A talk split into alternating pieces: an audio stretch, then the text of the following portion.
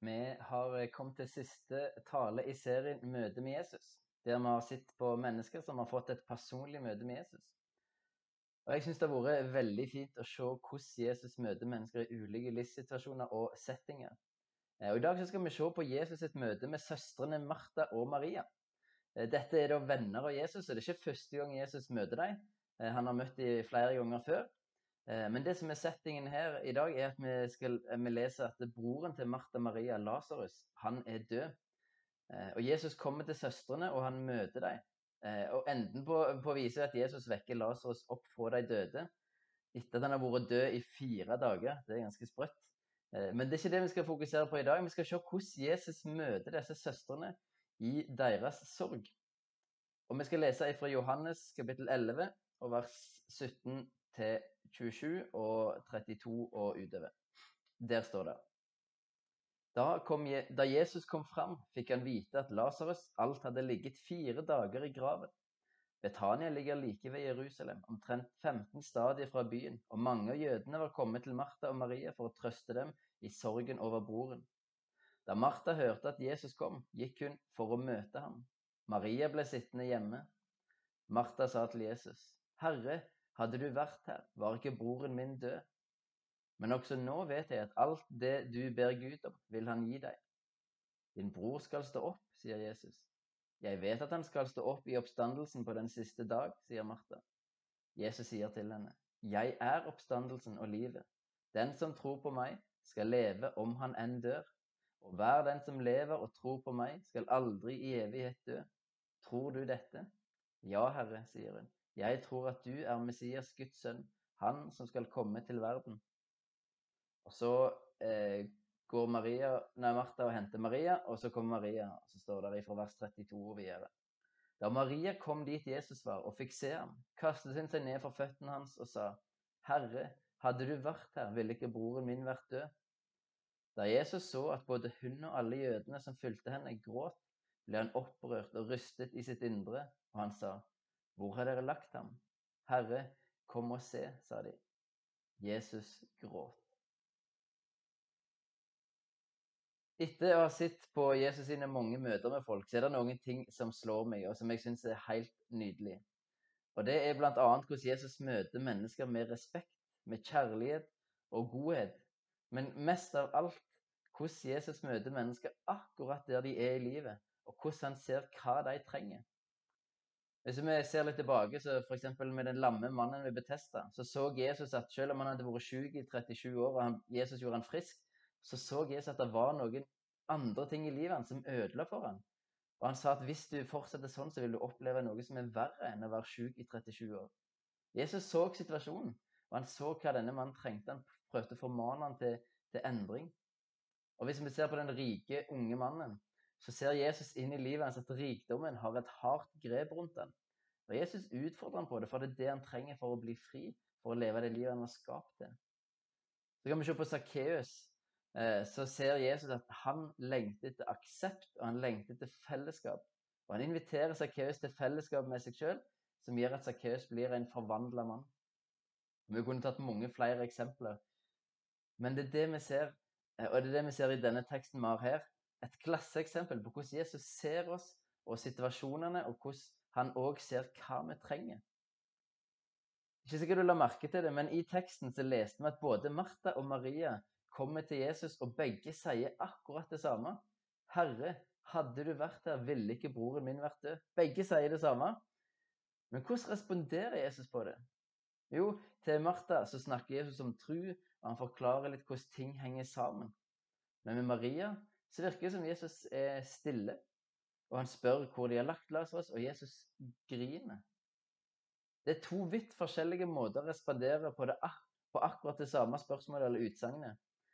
Hvorfor gjør Jesus det? Jo, fordi han ser hvordan de trenger å bli møtt. Vi mennesker er forskjellige, vi reagerer forskjellig på ting. Noen har masse følelser, andre har mindre følelser. Noen er glad i forandring, noen er ikke. Noen er introverte, noen er ekstroverte, osv. osv. Vi er forskjellige, og det er nydelig. Og Jesus vet at fordi vi er forskjellige, så trenger vi å bli møtt på forskjellige måter. Du trenger å møte Gud kanskje på en spesiell måte. Det som er, det som er bra for andre, andre måter som de møter Gud på, er ikke det sikkert det som den måten du trenger å bli møtt på. Det er ikke sikkert der du opplever å møte Gud.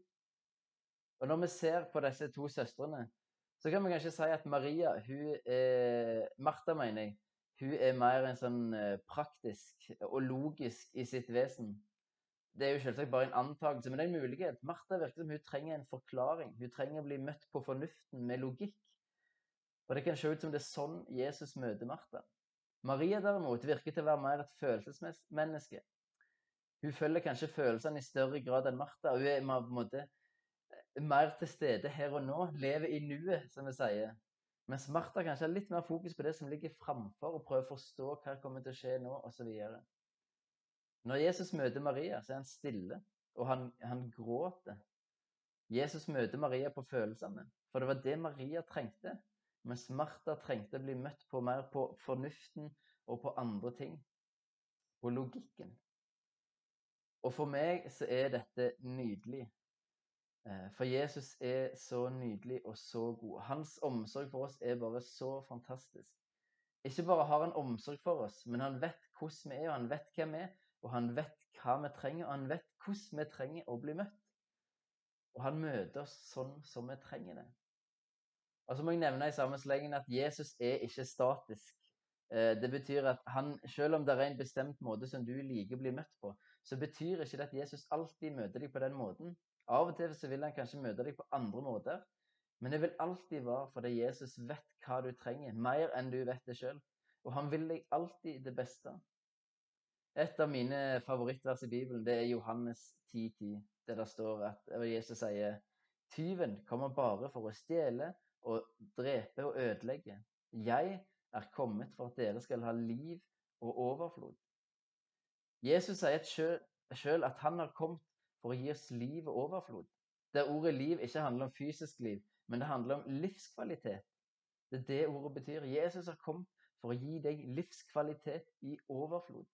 Det er det han ønsker for deg, og han ønsker å møte deg der du er i livet, og på den måten som du trenger. Han ønsker å stelle med deg med dine sår, med dine utfordringer, problem.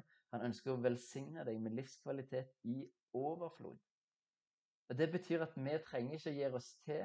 Vi trenger ikke å prøve å komme til en bestemt plass i livet før Jesus kan møte meg, eller før Gud kan, kan være til stede. Nei, det er ikke sånn det funker. Jesus ser oss der vi er. Han vet hvor vi er i livet. Han ønsker å møte oss der vi er i livet. Og han vet hvordan vi trenger å bli møtt. Det som vi trenger er å åpne opp for at han kan få lov til å møte oss. For det ønsker han, han ønsker å gi meg og deg livskvalitet i overflod.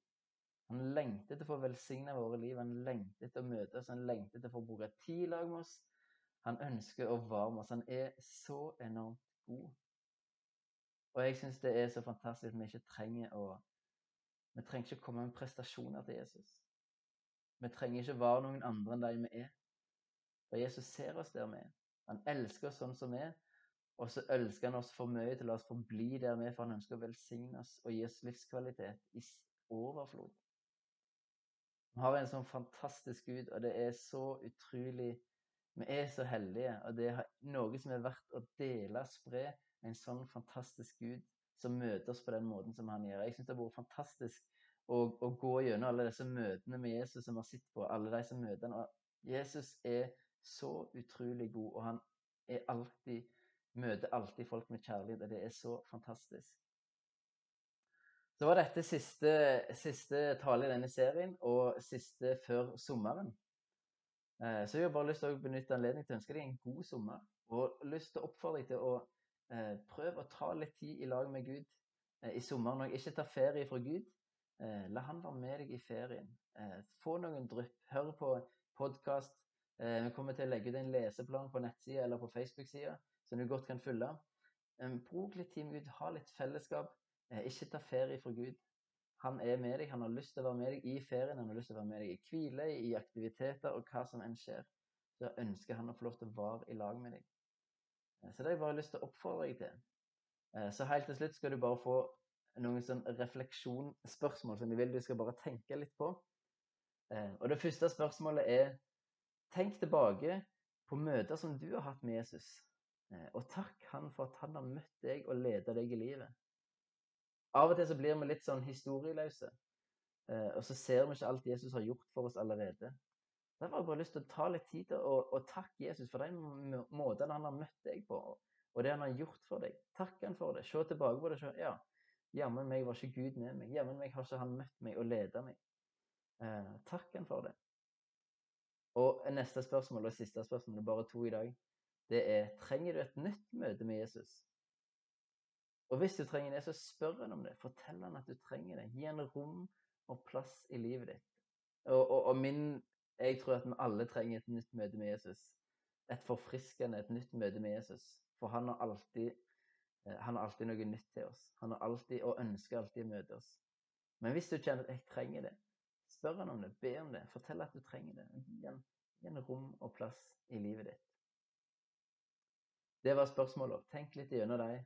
Eh, så har jeg bare lyst til å ønske deg en velsigna god sommer i lag med dine venner og familie, hvis du har det. En riktig velsigna god sommer.